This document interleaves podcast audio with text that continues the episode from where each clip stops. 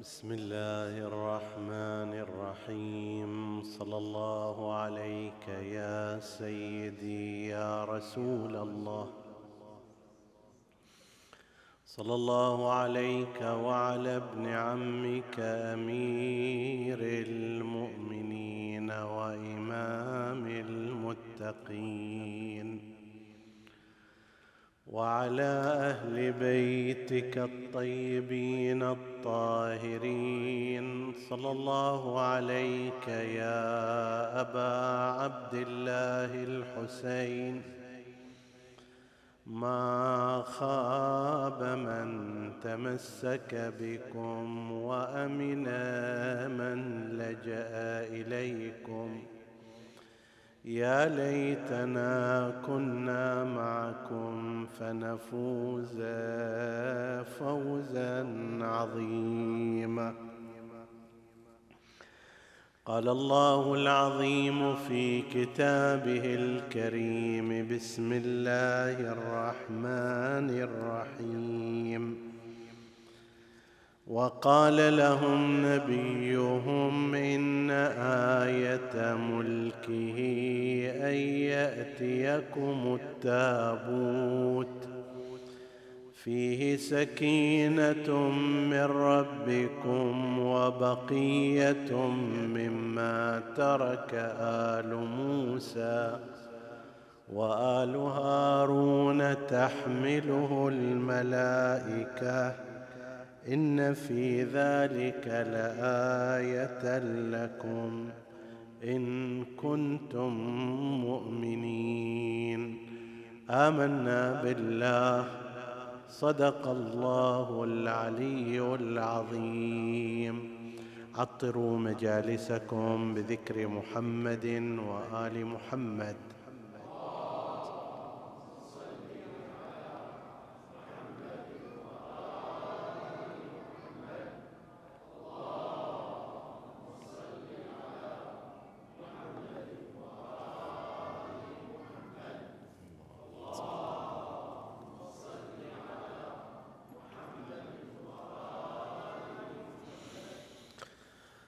حديثنا بإذن الله تعالى في سلسلة الحديث عن عترة النبي المعصومين عليهم السلام. يتناول هذه الليلة عترة, الأنبي عترة الأنبياء في الأمم السابقة و قضية الوصايه والأوصياء في هذه الأمم. ونفتتح ذلك بالآية المباركة من سورة البقرة التي تتحدث عن أن أحد أنبياء بني إسرائيل بعضهم قال إن اسمه شموئيل وبعضهم قال إنه شمعون. على أثر بقاء بني إسرائيل في حالة من الذل والاضطهاد من قبل أعدائهم فترة من الزمن انبعث قسم منهم لكي يطلبوا من نبيهم هذا أن يهيئ لهم قائدا ملكا سلطانا. يقودهم باتجاه رفض الذل والاضطهاد الذي كانوا فيه. إذ قالوا لنبي لهم ابعث لنا ملكا نقاتل. على أثر ذلك النبي هذا انتخب طالوت. طالوت كان رجلا من الناحية الجسمانية طويل القامة عريض المنكبين له قوة بدنية استثنائية. ولكن باقي ولكن باقي الميزات التي هي عند الناس مقاييس للتقدم غير موجودة لديه. كأن يكون مثلا له وجاهة في المجتمع. كأن يكون من أسرة متميزة كنسل يوسف مثلا النبي أو كأن يكون حضوره الاجتماعي كذا وكذا أو أمواله وثروته كذا وكذا كما هي عادة المقاييس عند قسم من الناس. الآن لو أن شخصا أراد أن يتصدر الواجهة الاجتماعية عادة قسم من الناس ينظرون إلى هذه المقاييس.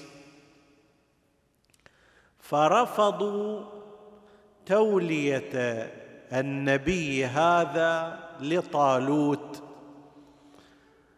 النبي قال لهم إن الله اصطفاه عليكم وزاده بسطة في العلم والجسم. اولا هذا محل اصطفاء إلهي وانتخاب رباني فلا ينبغي أن يكون هناك إرادة مخالفة له. بالإضافة إلى ذلك الصفات المؤثرة في القيادة المطلوبة وهي الناحية العلمية وحيث أنه سيقود حربا عسكرية كفاءة بدنية أيضا عنده فلا يحق لكم إذن أن ترفضوا هذا الأمر. بالنتيجة فعلا هذا الذي صار أن طالوت وإن كان رجلا شابا ليس معروفا في ذلك الوقت في مجتمع هذا النبي الإسرائيلي ولم يكن له نسب من الأنساب المتميزة ولم يكن صاحب ثروة لكنه كان انتخابا الهيا واصطفاء ربانيا وبطبيعة الحال الانتخاب الإلهي ليس انتخابا عبثيا وإنما مبني ذلك الانتخاب على أنه زاده بسطة في العلم والجسم. وفعلا راح ذلك النبي وقاد الحرب وكان طالوت هو القائد الأساس فيها وكان تحت إمرته جالوت والقضية مفصلة في آيات سورة البقرة. لعلكم اليوم وصلتوا إليها باعتبار الجزء الأول. أو ستصلون إليها غدا أو تعديتموها إذا كنتم من أهل قراءة الجزئين. فانه النتيجة انتهت إلى انتصار هؤلاء كم من فئة قليلة غلبت فئة كثيرة بإذن الله. هذه الآية المباركة وأمثالها من الآيات هي مما يرد في تراث الإمامية للاستشهاد على أن قضية النبوة والإمامة والوصاية وما يتصل بهما هي من الأمور التي تتوقف على اختيار الله عز وجل وإن كانت على رغم اختيار البشر وإن كانت لا تتفق مع ما يراه البشر فإن البشر لو أتيح لهم الأمر كما يريدون لاختلت الموازين. ألم يقولوا بالنسبة إلى سيد الأنبياء المصطفى محمد؟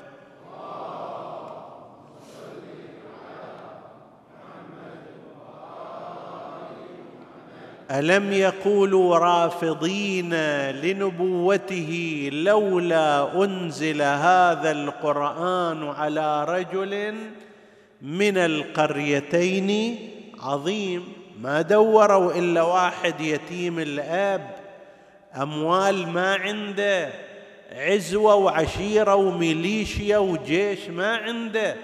طيب هذا ينتخب للنبوة؟ خلي ينتخبوا واحد عظيم المال عظيم الأنصار عظيم الجيش عظيم الجاه. القرآن يرد عليهم يقول أهم يقسمون رحمة ربك؟ نحن قسمنا بينهم معيشتهم. أنت عبد أيها الإنسان لا حق لك أن تقرر ما يفعله الله سبحانه وتعالى. أنت عليك الالتزام. انتخب هذا يجب عليك طاعته. انتخب ذاك يجب عليك طاعته. لا حق لك أن تقول علي بن أبي طالب مثلا هذا رجل صغير كما أبعدوه من قضية الخلافة. المبرر الظاهري ما هو؟ أنه كان علي عليه السلام صغير السن في مقابل غيره اللي ابو ستين وأبو ما أدري. خمسين سنة تجيب واحد. عمره اثنين وعشرين وثلاثة وعشرين سنة ما مناسب هذا. حتى أن بعضهم صرح بذلك فقال له ابن عباس لم يستصغره رسول الله عندما بعثه بسورة براءة إلى المشركين واستصغرتموه أنتم؟ لا يؤدي عنك إلا أنت أو أحد منك. يا رسول الله فانتخبه لم يستصغره في ذلك. أنت تجي تستصغره؟ فهي مقاييس البشر هي تأتي بهذا النحو وبهذه الصورة. هذول في قضية بني إسرائيل نفس الكلام. هنا لا بد أن نشير إلى نقطة مهمة. وهي أن هناك خطأ لم يعر منه حتى بعض المثقفين الإسلاميين بل حتى بعض العلماء.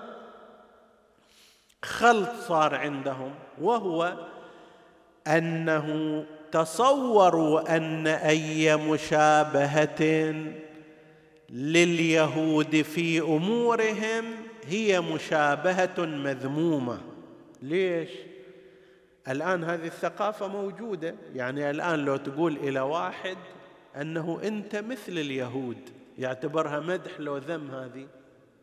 يعتبرها سبه أصلا. تقول له يهودي أنت يهودي. هاي سبه بعد ما بعدها سبه ليش؟ لأن اليهود بعد نبي الله موسى وعيسى اساءوا العمل. القرآن الكريم يقول فبما نقضهم ميثاقهم جعلنا قلوبهم قاسية. يحرفون الكلم. في مكان آخر يقول وقتلهم الأنبياء. في مكان ثالث يقول وقولهم قلوبنا غلف مغلقة مسكرة بل طبع الله عليها بكفرهم. زين.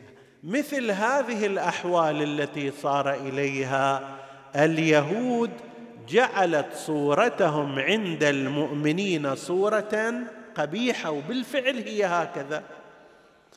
وعندما جاء رسول الله صلى الله عليه وآله بالرسالة وقد كانوا يجدون وصفه عندهم عارضوه وأنكروه وجحدوه بل وتآمروا مع المشركين عليه. بعد شو تريد أسوأ من هذا؟ لا زاد على هذا الأمر في الذهنية العربية والإسلامية. ما حصل قبل أقل من قرن من الزمان عندما احتل الصهاينة بلاد المسلمين في فلسطين ومارسوا من العنت والاضطهاد والإيذاء والقتل وسائر الممارسات ما تقشعر له القلوب والجلود. طبيعي هذا زاد الأمر سوءا. لكن هذا كله صحيح لكن هل أن المشابهة مع الخريطة الإلهية لبني إسرائيل هي شيء طبيعي أو غير طبيعي؟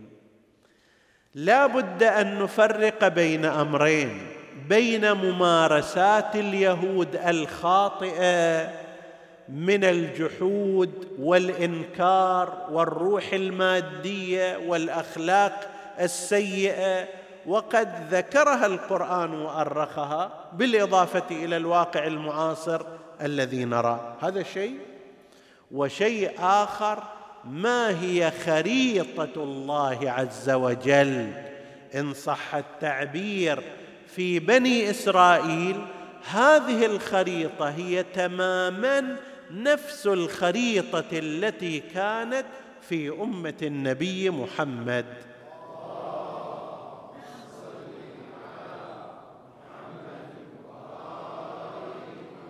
لماذا؟ لأن الله سبحانه وتعالى في إدارته للكون في إصلاحه للنفوس والأمم هي طريقة واحدة.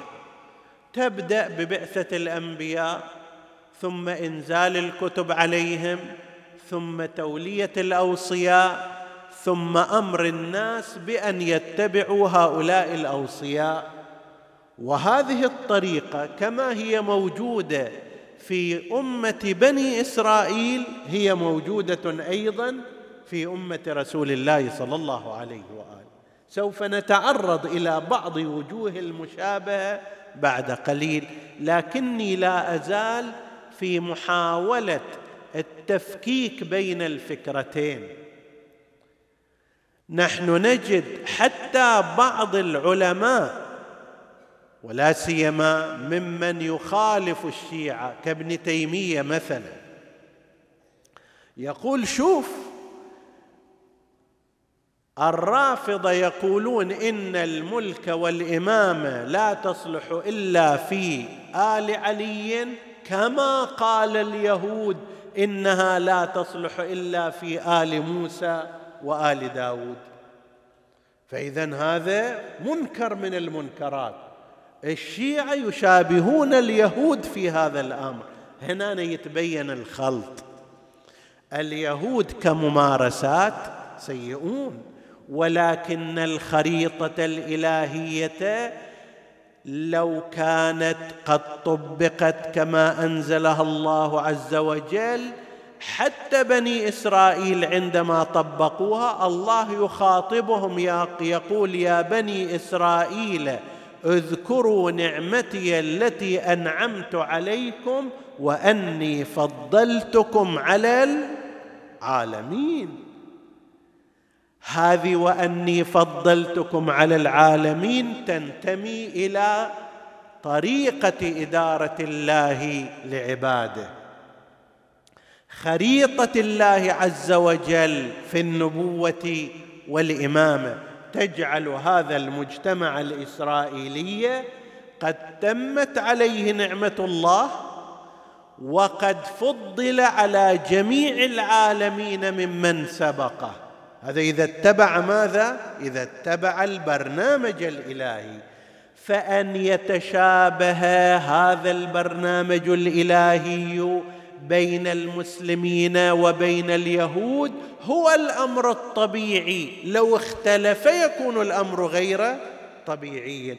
إذا تشابه صارت الملك والحكم في آل موسى في آل هارون في آل داود في مثل هؤلاء وقال الشيعة أيضا أن النبوة في آل في رسول الله وأن الإمامة في آل رسول الله فهو على القاعدة تماما.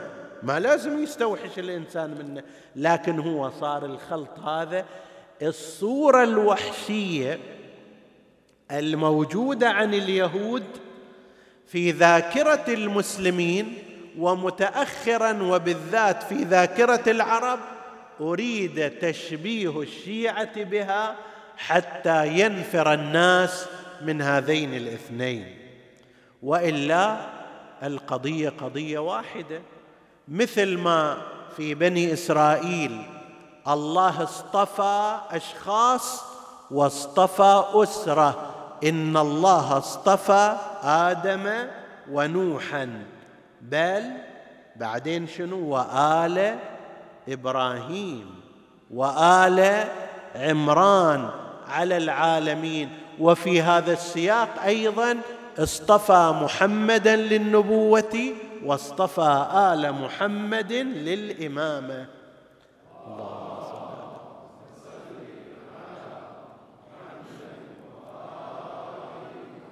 ذرية بعضها من بعض والله سميع عليم. الآية المباركة تشير إلى هذا المعنى التي تلوناها. الملائكة النبي قال لبني إسرائيل راح يجيكم شخص هذا الشخص أنتم في شك منه لكن الله سبحانه وتعالى سيزوده بأمور تصنع لكم الطمأنينة. اولا سيكون معه التابوت. تابوت فيه بقية مما ترك آل موسى وآل هارون. هاي اللي نعبر عنها في تراثنا الإمامي مواريث النبوة والإمامة. بقايا مما ترك الأنبياء السابقون والأوصياء.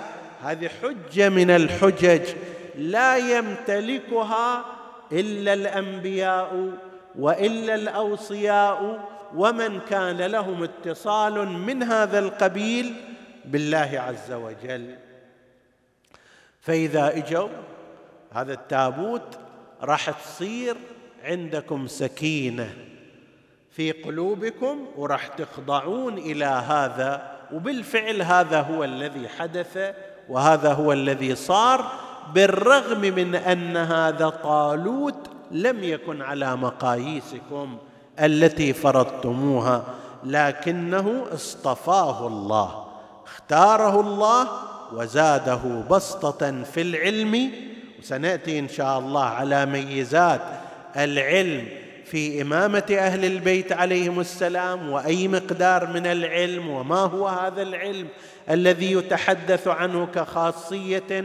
من خصائصهم وباعتبار أن المعركة عسكرية أيضا الجسم كما كان لأمير المؤمنين علي بن أبي طالب صلوات الله وسلامه عليه باعتبار أن دوره في نصرة رسول الله صلى الله عليه وآله أيضا كان يقتضي أن يكون له قوة في الجسم وهذه أقر بها كل من عاصره بل أعداؤه أقروا بها.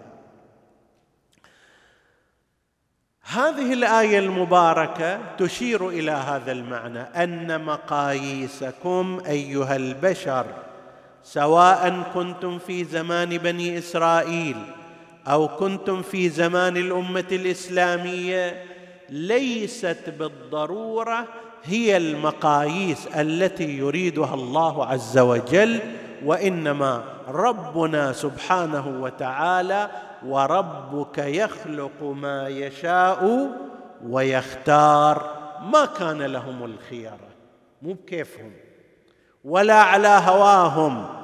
ولا تبعا لإرادتهم. وإنما الله أعلم حيث يجعل رسالته. فلا تعترض. لأن الله سبحانه وتعالى هو الذي انتخب وهو الذي عين وهو الذي اصطفى وهو الذي نصب وبالتالي كل عمله أيضا سبحانه وتعالى لا يكون إلا موافقا للحكمة ولمصلحة الناس. لذلك وجدنا اولا الصفات والبرنامج الموجود في سيرة بني إسرائيل الأصلية قبل التحريف وفي خريطة الله لإنقاذهم هو نفس البرنامج الذي أعد لإدارة هذه الأمة وخريطة لإنقاذها.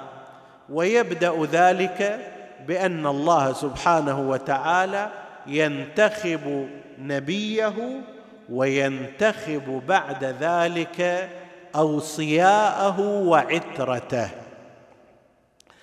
لأن عنوان السلسلة عترة وسيتكرر لابد أن نشير إلى أن معنى العترة عترة وليس عترة بكسر العين عترة يقولون هي لها أصلان. أصل ما مرتبط ببحثنا وأصل مرتبط. الأصل الغير المرتبط كما يقول ابن فارس في كتاب مقاييس اللغة يقول لها أصلان. أصل يدل على التفرق. ويقال عترة المسك وعتيرته. المسك عادة يتفرق هكذا لما جيبه المسك قبل ما يصير عطر. سائل هو في الأصل غير سائل أشبه بالجامد مثل التراب أو الطين هكذا. ففيما بعد تجرى له عمليات يحولونه إلى هذا العطر السائل. فهناك يقال عترة المسك يعني ما تناثر وتفرق منه. هذا ما مربوط بما نحن فيه. القسم العنوان الآخر والمعنى الآخر والأصل الآخر اللي يرتبط بنا هو معنى يقول يدل على النصاب والإحكام. ويقال عترة المسحات. المسحات معروفة هاي الصخين شيول شو تسموه؟ طيب. هذا في قسمين اللي يحرث به الفلاح ويصلح به الأرض. طيب هذا في قسمين. قسم الأسفل وهو عادة من حديد يرفع به الأشياء من طين ومن تراب وما شابه ذلك. وأكو في هذا الخشبة المتصلة. الخشبة المتصلة هي التي تسمى بالعتره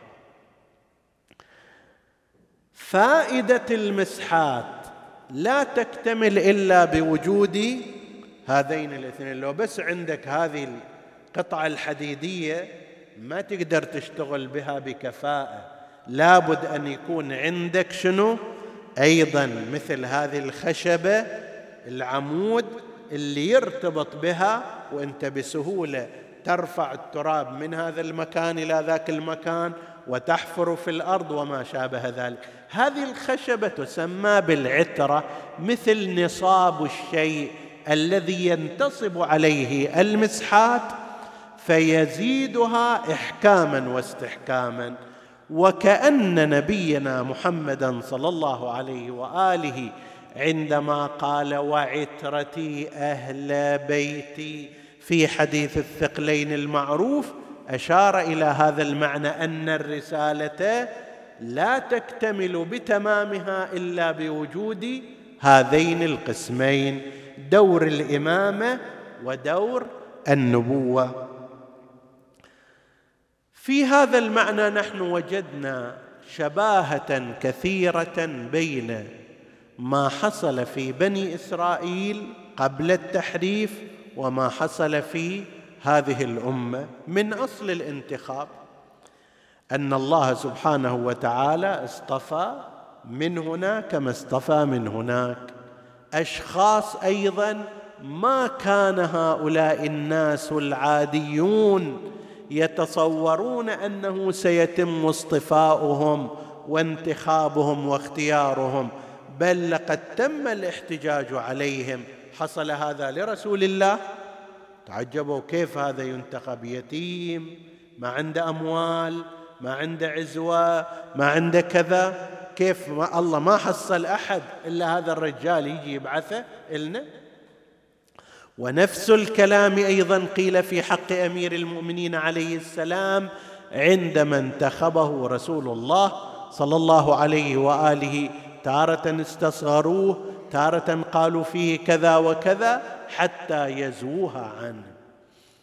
نحن نلاحظ مثلا أن الأوصياء والنقباء في تاريخ بني إسرائيل هو نفس العدد الذي كان في تاريخ هذه الأمة على منهجها الحق. وبعثنا منهم اثني عشر نقيبا هنان أيضا اثنا عشر اماما وصيا وقائدا بعد رسول الله صلى الله عليه وآله. أكثر من هذا لو واحد يتبع هذا الموضوع في كثير من أوجه التشابه بين المجتمع الإسرائيلي الذي تبرز فيه امرأة رمزا للطهارة والنزاهة والاصطفاء والدفاع عن الحجة وهي مريم ابنة عمران إن الله اصطفاك وطهرك واصطفاك على نساء العالمين يا مريم. هنا أيضا نحن نجد فاطمة بنت محمد.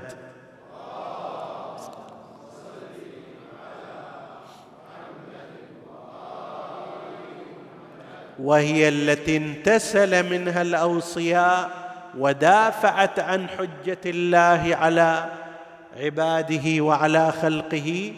وهي التي صارت سيدة نساء العالمين والمصطفات على كل نساء الدنيا بينما كانت مريم سيدة نساء عالمها. أكثر من هذا يتحدثون في قضية المشابهة التي يؤكدها رسول الله مع بينه وبين علي وبين موسى وهارون فهنا تجد لفظ أخي إذا تلاحظ مع أنه واقعا علي ليس اخا لرسول الله من الناحية النسبية ولكن تأكيده لهذا المعنى إن هذا أخي وابن عمي وهذا التأكيد المستمر عليه كأنما يريد أن يستدعي صورة الأخوة بين موسى وهارون وأن يقول أيضا علي مني أو أنت مني بمنزله هارون من موسى إلا أنه لا نبي بعدي. بل بعض العلماء أكثر من هذا يقول حتى أننا نستطيع أن نجد مشابهة بين غيبة عيسى وغيبة قائم آل محمد.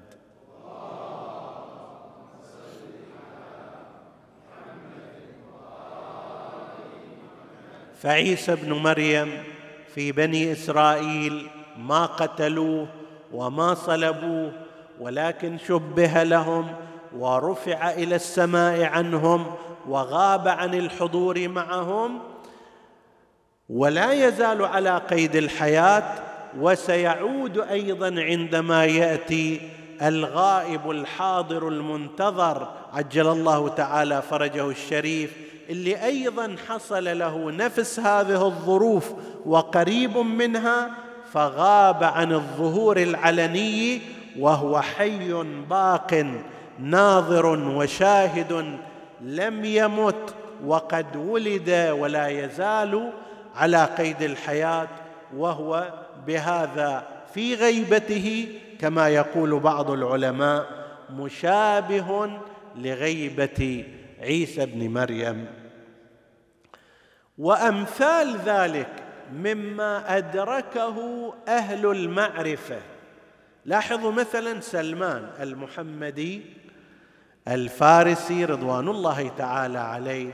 سلمان له خصوصيات كثيرة جدا. تحدثنا عن سيرته في بعض السنوات الماضية في هذا المسجد.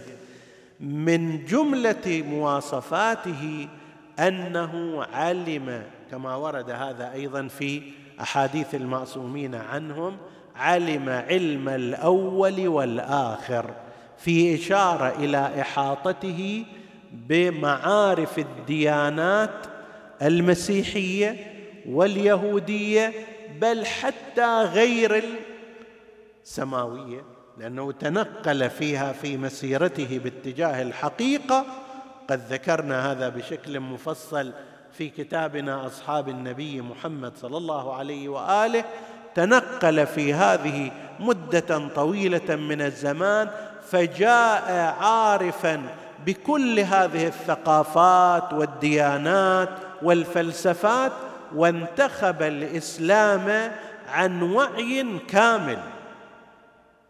حتى أن الأئمة إذا أرادوا أن يشبهوا عظيما من الفقهاء وعالما من العلماء بشيء كبير شبهوه بسلمان مثل قول الإمام الرضا عليه السلام عن يونس يونس بن عبد الرحمن أحد أعاظم أصحاب الإمام الرضا يقول يونس في زمانه كسلمان في زمانه. هذا يبين لك منزلة سلمان أنه أعاظم فقهاء أهل البيت يشبهون به. سلمان يختلف عن غيره في أنه يعرف أن لكل نبي أوصياء. ما في حكاية حسبنا كتاب الله. ما في حكاية أن النبي مضى ولم يستخلف. ما في هذا الكلام في تاريخ النبوات والأنبياء. فتراه كما ينقل في بعض مصادر مدرسة الخلفاء ومنهم الطبراني يقول قال سلمان لرسول الله لكل نبي وصي هاي معرفة عن تتبع مو شكل قوتره لكل نبي وصي فمن وصيك؟ ما دامت هذه هي القاعدة في النبوات السابقة المفروض أن أنت أيضا ما تتخلف عنها. فسكت عني المجال لا يحتمل جماعة حاضرين غير مناسب أن يسمعون هذا الكلام. فلما كان بعد رآني فقال يا سلمان تعال فأسرعت إليه. قلت لبيك قال تعلم من وصي موسى؟ بحسب معرفتك السابقة ومطالعاتك وإلى تدري من وصي موسى؟ قال نعم يوشع بن نون. سيأتي بعد قليل هارون كان شريكا ولكنه توفي في زمان موسى. ما بقي بعده؟ لذلك النبي يقول شوف دقة كلام النبي. أنت مني بمنزلة هارون من موسى إلا أنه لا نبي بعدي. هارون لم يبق بعد موسى وأنا أيضا لا يوجد نبي بعدي. هو نبي ولم يبق بعد موسى. هارون نبي ولكنه لم يبق بعد موسى. وأنت وصي لست بنبي ولكنك تبقى بعدي من الوصي اللي بقي بعده وسنشير إليه بعد قليل هو يوشع. يوشع الذي في القرآن يشار إليه بكلمة اليسع. راح يمر عليك في هالأيام أنت تقرأ قرآن واليسع. اليسع هو تعريب ليوشع. قال نعم يوشع بن نون. قال رسول الله لما؟ ليش صار وصية؟ شوف النبي يسأل أسئلة في محلها وسلمان أيضا يجاوب قلت لأنه كان أعلمهم يومئذ مو لأنه نسيبه أو حبيبه أو صديقه لا لأنه كان أعلمهم يومئذ. قال النبي فإن وصيي وموضع سري وخير من أترك بعدي ينجز عداتي ويقضي, دي ويقضي ديني علي بن أبي طالب.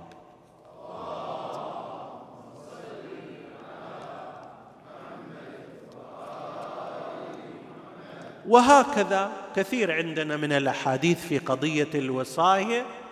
عن الإمام الصادق عليه السلام قال كان وصي آدم شيث ابن هبة الله وكان وصي نوح سام وكان وصي إبراهيم إسماعيل وكان وصي موسى يوشع بن نون وكان وصي داود سليمان وكان وصي عيسى شمعون وكان وصي محمد علي علي بن أبي طالب.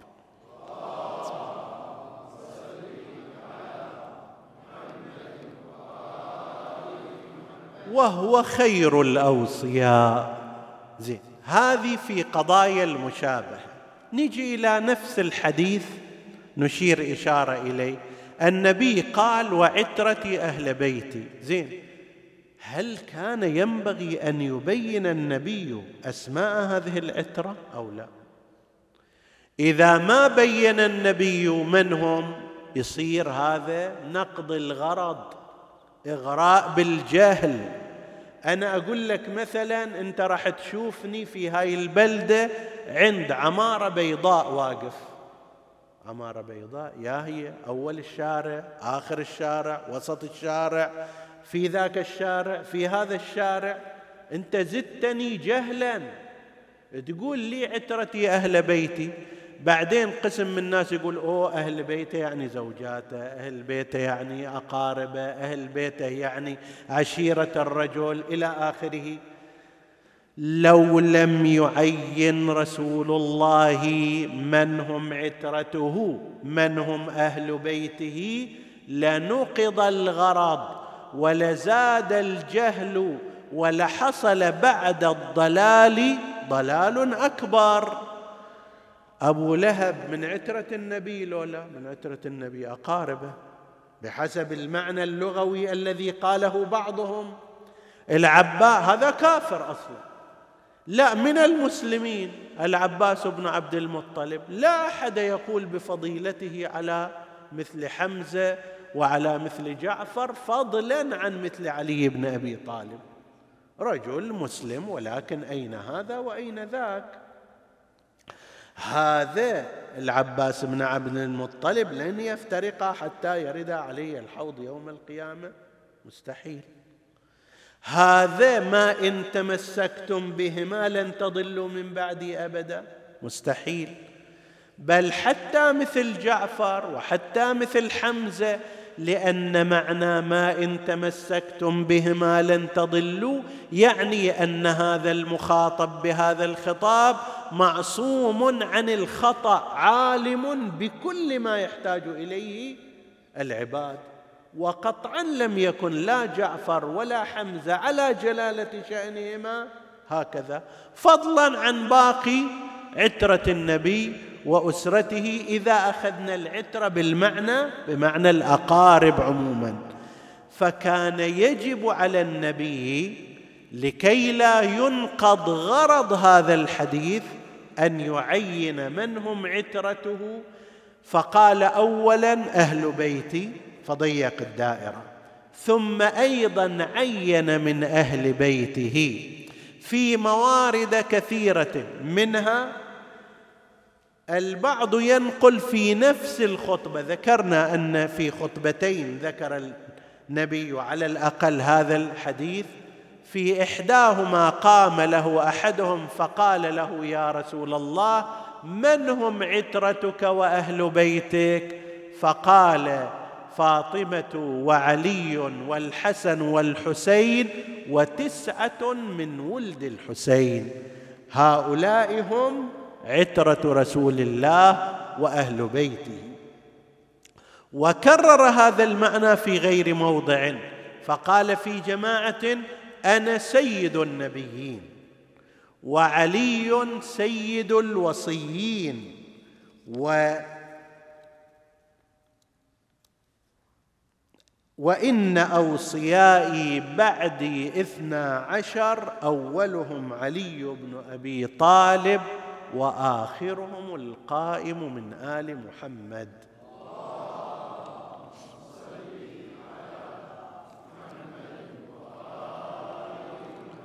ليش؟ لأن هذا العنوان عترتي وأهل بيتي راح يصير حسب تعبير المعاصرين كليشة.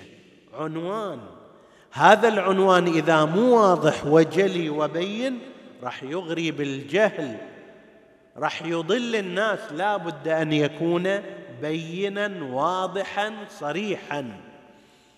وهذا الذي حصل أن النبي صلى الله عليه وآله بينه ووضحه كما أوضحه الأنبياء السابقون في أمة بني إسرائيل بالنسبة إلى أقوامهم فآمن الطائفة وكفر الطائفة وهذا هو الذي يتحدث عنه النبي صلى الله عليه وآله يعني الأعمال المخالفة التي قام بها بنو إسرائيل وهي المذمومة هي التي يحذر عنها ومنها رسول الله. وهذه عند عند الفريقين أن النبي مكررا قال لتسلكن ما سلك بنو إسرائيل حذو القذة بالقذة والنعل بالنعل حتى لو دخلوا جحر ضب لدخلتموه هذا طبعا في مقام ماذا؟ في مقام الذم لهم. كمجتمع عاصي كمجتمع متمرد كمجتمع خالف وصايا رسوله. أول شيء نبي الله موسى عندما حضرته الوفاة وكان هارون كما قلنا قد توفي قبله عين عليهم يوشع ابن نون اليسع بالتعبير القرآني وأمرهم بطاعته. فرفض قسم أن يسيروا خلفه وعصوا أمره بل لقد حاربه بعضهم وبعض الروايات تشير أن من جملة الحروب التي خاضها مخالفو يوشع. له استفادوا وانتفعوا من إحدى زوجات نبي الله موسى في مواجهة يوشع بن نون. فشتان ما كان التشابه بين الأمرين. ابعدوا من كان ينبغي أن يقرب وقربوا من كان ينبغي أن يبعد. سلكوا نفس الطرق التي سلكتها هذه الأمة من عصيان رسولها من تقديم مقاييسها على مقاييس الله. صار الحكام عند اليهود لا يرتبطون بالأوصياء ولا يرتبطون بالأنبياء مثل ما حصل في تاريخ هذه الأمة. من هم الخلفاء؟ من هم الحاكمون في تاريخ الأمة؟ لا تجد آل محمد فيهم. لا تجد آل علي فيهم مع كونهم الأعلم والأقرب إلى الله سبحانه وتعالى. حتى لو دخلوا جحر ضب لدخلتموه. نعم. ربما وهذا أنا لم أرى. الموقف الذي لم نره في سائر الأمم ورأيناه في هذه الأمة هي أن هذه الأمة قد عدت على ابن بنت نبيها فقتلته عطشانا غريبا. هذا ما رأينا في سائر الأمم. لذلك مصيبته عظمت في السماوات على أهل السماوات وعلى أهل الأرض وحتى ناحت غير البشر عليه قائلا قائلة ويلا لأمة قتلت ابن بنت نبيها مظلومة. وهو يخاطبهم أولست أنا ابن بنت نبيكم؟ وابن وصيه وأول الخلق إيمانا به أوليس حمزه سيد الشهداء؟ عم أبي أوليس جعفر الطيار؟ عمي أولم يبلغكم مقالة رسول الله في وفي أخي الحسن؟ هذان سيدا شباب أهل الجنة فلم تقاتلوني إذن؟ لم تسلون سيوفكم علي وهو يخاطبهم في ذلك الكلام. لعل احدا منهم يدرك عظمة هذا الموقف ويغمد سيفه احتراما لابن بنت رسول الله لكن صلت على جسم الحسين. سيوفهم فغدا لساجدة الضبا محرابا هذا الشاعر يقول لم أنسه إذ قام فيهم خاطبا. فإذا هم لا يملكون خطابا يدعو ألست أنا ابن بنت نبيكم؟ وملاذكم إن صرف دهر نابا هل جئت في دين النبي ببدعة؟ أم كنت عن أحكامه مرتابا؟ أولم يوص بنا النبي؟ وأودع الثقلين فيكم عترة وكتابا فغدوا حيارا لا يرون لوعظه إلا الأسن والسهام جوابا حتى إذا أسفت علوج أمية ألا ترى قلب النبي مصابا صليت على جسم الحسين. سيوفهم هذه السيوف تهوي راكعة على رأسه وتلك تهوي ساجدة على بدنه الشريف. صلت على جسم الحسين سيوفهم. فغدا لساجدة الظبا محرابا ظمآن أبو علي ظمآن.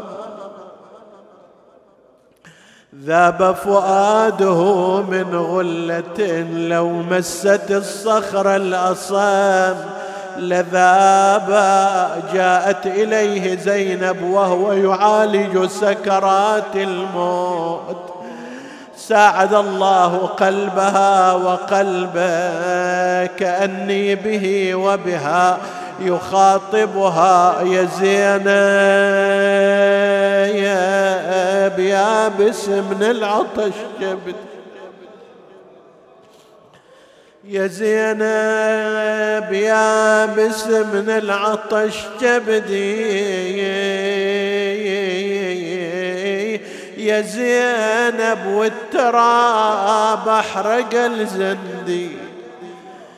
يا خيا والشمس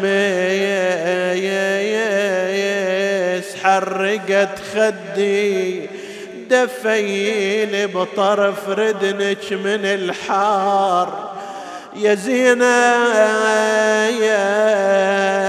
ما أحب سكنة تجيني يا زينب ما أحب سكنة تجيني تشوف حالتي وتسمع ونيني. أنا مالي قلب أناظرها بعيني.